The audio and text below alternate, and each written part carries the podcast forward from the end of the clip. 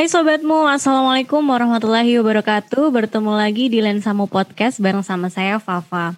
Apa kabar sobatmu? Semoga di masa pandemi ini tetap sehat uh, Tetap menjaga kesehatan juga karena pandemi belum berakhir. Dan jangan lupa tetap lakukan protokol. Ingat pesan ibu 3M Memakai masker, menjaga jarak, dan mencuci tangan. Nah, ada yang berbeda dari Lensamu Podcast kali ini karena hari ini Fafa bakal ada temennya nih nggak sendirian, nggak kayak biasanya yang sepi, tapi kita bakal ngobrol seru-seruan sama salah satu tamu kita yang tinggal di negeri Taj Mahal. Nah, daripada penasaran, langsung aja kita sapa langsung uh, narasumber kita pada hari ini. Sudah bersama dengan kita Mas Muhammad Agus Aufia dari pimpinan cabang istimewa Muhammadiyah India. Assalamualaikum Mas Agus, apa kabar? Waalaikumsalam warahmatullahi wabarakatuh Mbak Fafa. Alhamdulillah baik kita di kota New Delhi. Alhamdulillah. Alhamdulillah ya. Gimana Mas apa nih kesibukannya akhir-akhir ini? Ya seperti biasa ya. Saya sekarang sedang menuntut ilmu ya di Jawaharlal Nehru University yang ada di kota New Delhi, India. Uh, saya sekarang sedang S3, jadi kita sekarang sedang fokus di penyusunan tesis dan alhamdulillah ini sebenarnya semester terakhir saya nih, sudah akan mendekati semester terakhir yaitu di semester 8.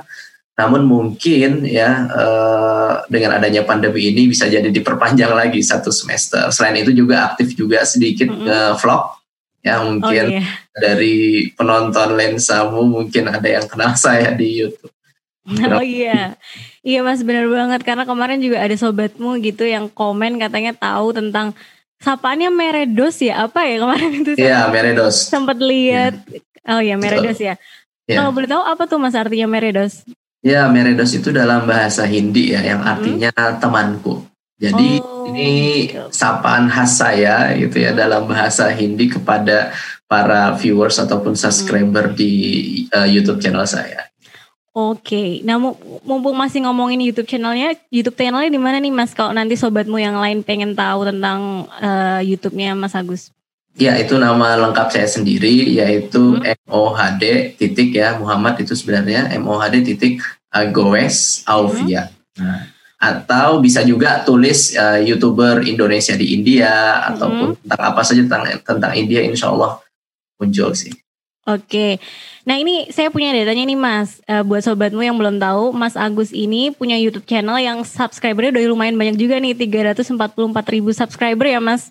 Dan follower Instagramnya juga udah sampai 8.500an. Wah, menginspirasi banget nih Mas. Nah kembali lagi Mas, uh, tadi kan sempat ngomongin kegiatan Mas Agus di sana ya, yaitu sekolah uh, di di mana Mas uh, ininya kuliahnya? Di Jawaharlal Nehru hmm. University atau JNU. Oh di JNU, oke. Okay. Ya. Nah itu beasiswa atau gimana ya mas? Uh, kok ceritanya bisa sampai uh, sekolah di India ini? iya pasti banyak yang nanya, yang hmm. kenapa kok sekolahnya di India? Kenapa hmm. nggak mungkin di Indonesia yang hmm. mungkin dianggap lebih baik ataupun di negara-negara Jepang, Amerika Serikat hmm. dan yang lainnya? Ya tapi memang itulah ya takdir Allah ya hmm Allah memberikan jalan saya untuk studi ilmu hubungan internasional di kampus mm-hmm. Jawaharlal Nehru University di New Delhi, India. Dan alhamdulillah saya kuliah di sini dengan biaya sendiri. Wow, alhamdulillah. Juga sedikit uh, mendapatkan beasiswa dari mm-hmm. Kedutaan Besar Republik Indonesia di India, namun memang sebagian besar uh, dengan biaya sendiri. Bukan berarti saya kaya, Mbak Fafa. Mm-hmm. Tapi memang yeah, uh-uh. uh, biayanya ini ternyata 11-12 waktu itu dengan hmm. S2 biaya S2 di UGM hmm. dan bahkan sekarang lebih terjangkau lagi. Oke, okay. nah Mas kalau berarti udah berapa lama nih Mas Agus di India sendiri? Ya, uh, saya di India sejak tahun 2013 Mbak bulan Agustus waktu itu saya hmm. menjalani dua tahun dulu untuk hmm. S2 MA Master of Arts dua tahun, saya lanjutkan lagi Master of Philosophy dua tahun hmm. dan sekarang di tahun keempat ya di PhD ya untuk penyusunan tesis. Jadi udah berapa ya? Tujuh tahun lebih dikit lah. Wow, berarti Mas uh, Agus ini udah melalang buana jauh banget ya. Secara pendidikan juga udah banyak melalui uh, pendidikan yang banyak gitu ya, Mas. Alhamdulillah. Nah, kalau dari bergabungnya ke PCIM sendiri India ini sendiri kapan ya, Mas sebenarnya? Mas Agus. Ya, uh, kalau PCIM India ini kita ini bisa dibilang baru berdiri, Mbak. Jadi waktu itu dari pimpinan pusat Muhammadiyah termasuk waktu itu Prof Haidar Nasir ya uh, dan hmm. juga para uh, rektor bahkan ada juga rektor dari Universitas Muhammadiyah Surakarta hmm. uh, Pak Sofyan Anip waktu itu beserta jajarannya berkunjung ke India pada tahun 2018 kalau tidak salah bulan April dan salah satu agendanya selain melakukan kunjungan ke universitas, ke KBRI dan juga ke pemerintah adalah salah satunya mendirikan pimpinan cabang istimewa Muhammadiyah hmm. di India. Pada saat itu uh, ketua di periode pertama adalah Bang Breni PhD. Alhamdulillah beliau sudah lulus dari Aligarh Muslim hmm. University dan sekarang saya mendapatkan amanah di periode kedua ya setelah dua tahun di periode pertama di bawah Bang Breni dan saya di periode keduanya insya Allah memegang amanah dari tahun 2020 sampai 2022 mm -hmm. jadi terbilang muda Oh iya, bener-bener ya mas. Baru dua tahun ya berarti ini ya di periode kedua. Nah, oke okay, sobatmu, uh, sebelum kita melanjutkan uh, pembicaraan dengan Mas Agus, Fawa mau ngingetin nih buat selalu update berita terkini tentang Muhammadiyah di Muhammadiyah or ID. Terutama juga kalau pengen tahu, siapa tahu ada berita-berita tentang uh, PCIM India juga ya Mas. Di yeah. Muhammadiyah ini update banget gitu ya. Jangan lupa juga buat follow Instagram kita di @lensamu, uh, YouTube kita di Muhammadiyah Channel, dan uh, Facebook kita di Persyarikatan Muhammadiyah. Oke Mas, lanjut ngom ngomongin PCIM India juga nih. Berapa banyak sih mas anggotanya dan emang itu dari mana aja gitu? Apakah dari Indonesia aja atau ada dari India juga?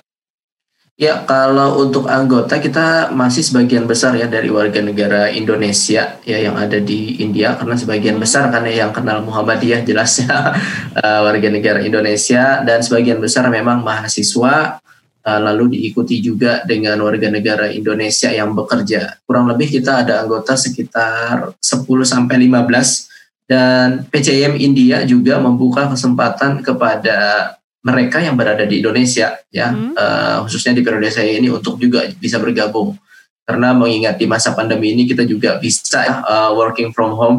Ya, berkoordinasi secara virtual jadi saya juga membuka kesempatan itu selain juga para mahasiswa yang ada di sini jadi kurang lebih 10 sampai 15 lah dan kita juga berharap uh, warga negara India perlahan juga kita akan perkenalkan juga terkait pergerakan ya persyarikatan Muhammadiyah. Hmm. Nah waktu ngumpulin teman-teman PCM India itu, sendiri agak kesulitan nggak sih mas? Apalagi kan nggak mungkin ya satu universitas aja bisa jadi bisa jadi dari berbagai universitas gitu yang ada di sana. Nah itu gimana gimana ya mas? Betul, uh, ini memang kita membutuhkan yang namanya koordinasi ya ataupun jaringan ya. Jadi iya, seperti saya ini kan sekarang berada di kota New Delhi. Alhamdulillah hmm. kita punya teman yang ada di Aligarh Muslim University. Hmm. Pengurus kita ada di situ.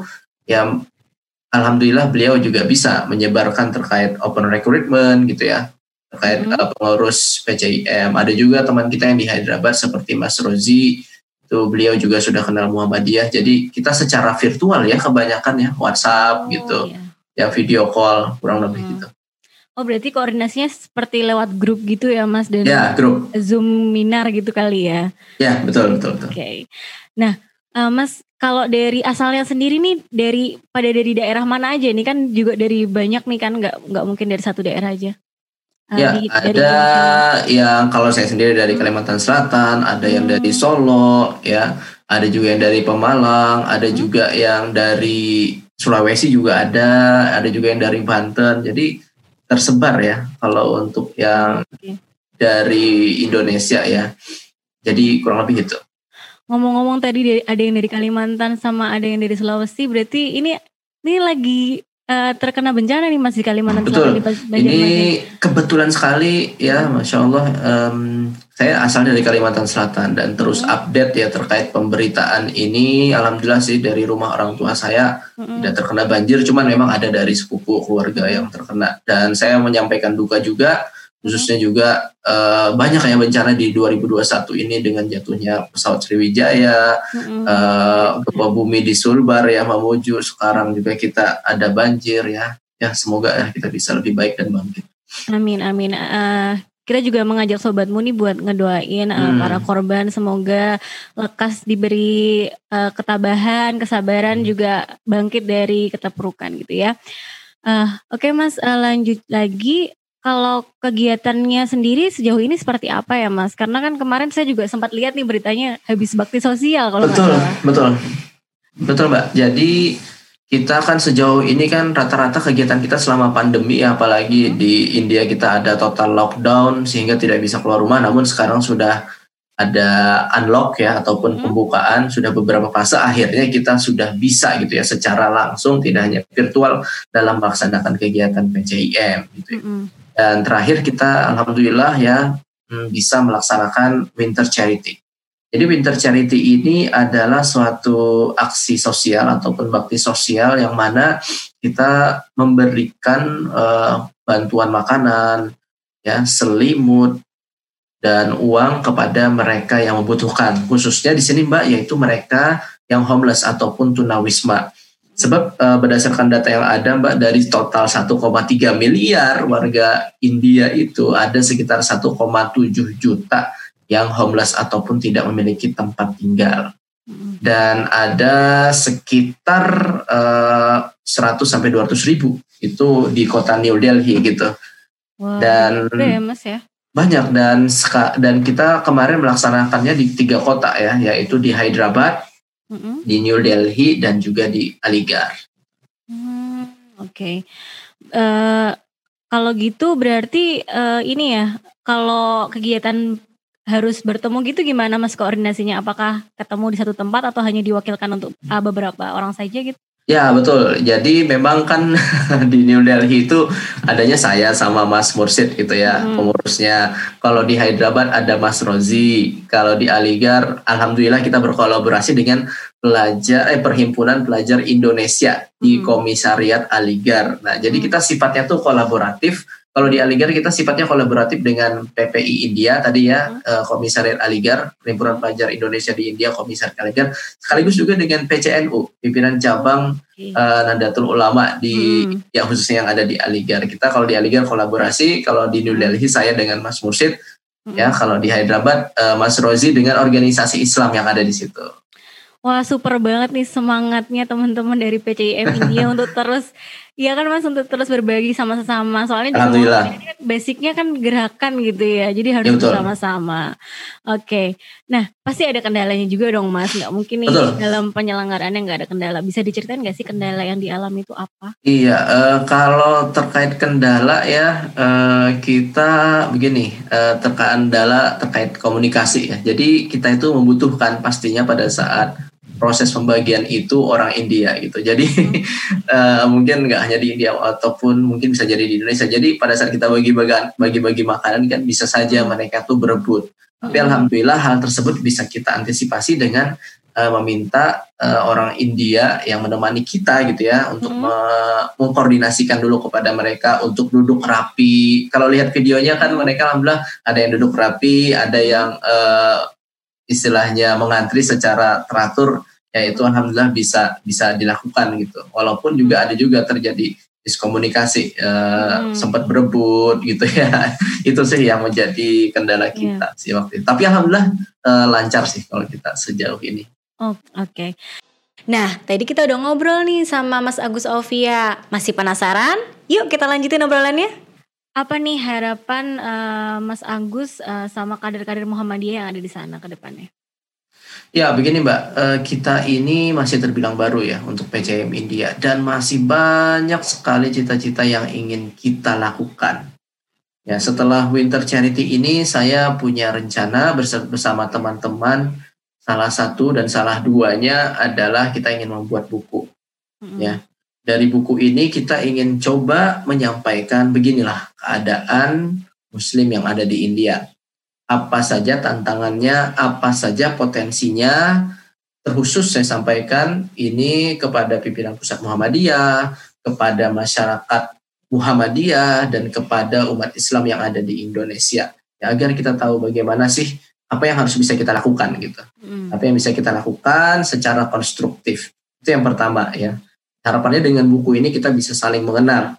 yang kedua Mbak, saya ingin memiliki uh, di PCM India ini juga ya eh, cita-cita uh, layaknya uh, Kiai Haji Ahmad Dahlan dan uh, yang ada di Indonesia saat ini, yaitu kita bergerak di bidang pendidikan. bagaimana kita uh, PCM India ini bisa juga mendukung uh, meningkatnya standar kualitas uh, hidup khususnya bagi kaum muslimin yang ada di India. Bayangkan jikalau kita melihat gitu ya penelitian dari United Nations Development uh, Program UNDP ya terkait dan juga Oxford Property and Human Development Initiative terkait indeks kemiskinan multidimensi tahun 2018 itu disampaikan seperti ini ya sepertiga muslim di India itu berada di bawah garis kemiskinan sepertiga jadi kalau di India itu ada tiga orang muslim ya. satunya pasti miskin dan miskinnya ini bukan hanya miskin penghasilannya gitu, tapi multidimensi. Multidimensi ini dinilai dari gizinya, kesehatannya, pendidikannya, standar hidupnya, asetnya, dan kita tahu pendidikanlah yang bisa insya Allah mengubah kehidupan mereka lebih baik. Dan saya berharap nanti kita bisa uh, memiliki uh, jalur ataupun media untuk mengembangkan uh, pendidikan peningkatan taraf hidup bagi Muslim India gitu. Oke, wah itu mulia banget tuh Mas tujuannya. Saya hmm. doakan semoga uh, bisa mencapai ya. Nah kalau dari Mas aku sendiri rencananya ini setelah lulus nanti masih mau mengembangkan diri di sana atau kembali gitu Mas? Ya uh, bagi saya India ini adalah negara kedua ya hmm. uh, yang saya ber berterima kasih, yang saya sukai gitu ya setelah pastinya tanah air Indonesia gitu. Dan setelah pulang ini Alhamdulillah Mbak, saya sudah mendapatkan kesempatan untuk mengajar di Universitas Muhammadiyah Malang sebagai dosen ilmu hubungan internasional uh, di Universitas Muhammadiyah Malang ya di Malang. Namun saya berharap ya, saya berharap masih bisa gitu untuk bisa aktif berbagi informasi, berbagi manfaat ya uh, khususnya di India ini ataupun mungkin di negara Asia Selatan secara keseluruhan. Jadi saya akan pulang pastinya Mbak uh, mengabdi kepada tanah air Indonesia, namun saya juga berharap masih bisa lah untuk menjelajahi dan berbagi uh, kebaikan di India. Amin, amin. Semoga ya Mas, semoga bisa tercapai. Amin. Hmm. Uh, nah Mas, uh, kita nggak uh, cuma ada pertanya banyak pertanyaan dari saya kan tadi ya. Ini yeah. Ya. uh, dari sobatmu juga ada mengirimkan beberapa pertanyaan, banyak banget ini. gak mungkin saya uh, sampaikan satu-satu. Hmm, gak apa-apa. Tapi ini ada satu pertanyaan yang menarik juga nih, menurut saya dari sobatmu. At Rival Gunawan, kan di India nerapin sistem kasta Kan itu ajaran dari agama Hindu. Apakah itu berlaku juga untuk Muslim di sana? Silahkan Mas. Baik, ini pertanyaan yang bagus sekali dan banyak ditanyakan Mbak Fafa. Ya, jadi begini, India ini dulu memang ya eh, mayoritasnya bahkan sekarang ya beragama Hindu. Dan Islam itu kan datang melalui dua jalur ke India. Pertama melalui jalur perdagangan layaknya di Indonesia, yang mana itu sampai di garis pantai di wilayah Gujarat, gitu ya dan juga itu sekitar tahun 600-700-an, 800-an dan juga melalui jalur darat. Namun memang melalui jalur darat itulah ya sekitar tahun 700-an ya, 600-700-an Masehi itulah yang uh, kesultanan dari Islam itu masuk ke India gitu ya. Mm. Nah, akhirnya mereka yang sebelumnya itu beragama Hindu dan sudah memiliki kasta melihat adanya Islam, ada sebagian dari mereka yang tertarik dan masuk Islam. Sehingga kadang kita menemui nama-nama Hindu tapi kan tapi mereka sudah Islam gitu. Nah, sayang ya seperti ini, sayangnya seperti ini. Uh, budaya mereka dulu ya uh, sebagai orang Hindu sebelumnya kan mereka beragama Hindu dan mereka memegang erat kasta. Nah, ini sayangnya masih terbawa juga ya ketika mereka beragama Islam. Makanya baik yang beragama Kristen, Kristiani ataupun Islam itu memang masih ada yang memegang erat kastanya.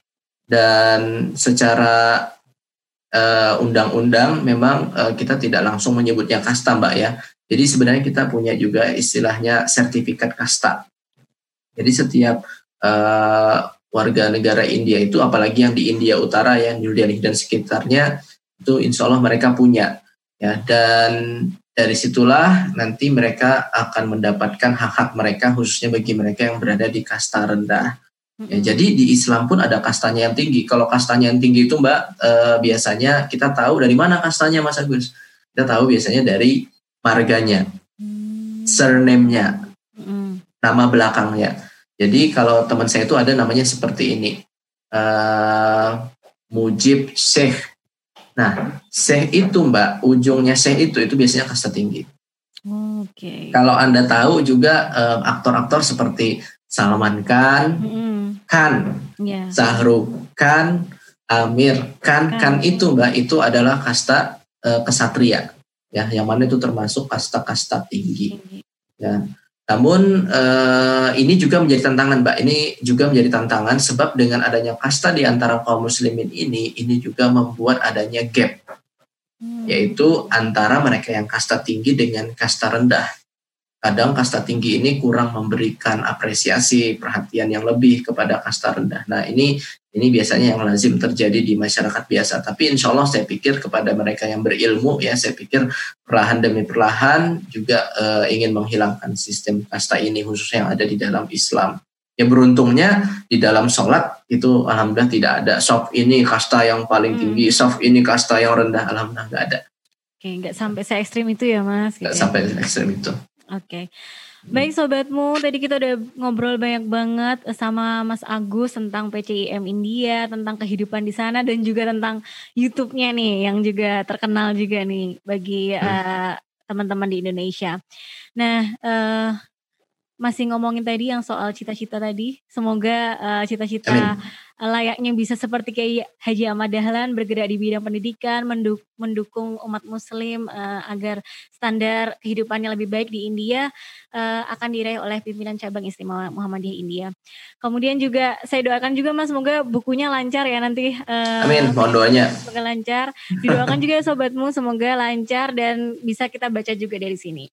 Mungkin Mas Agus juga mau promo YouTube-nya.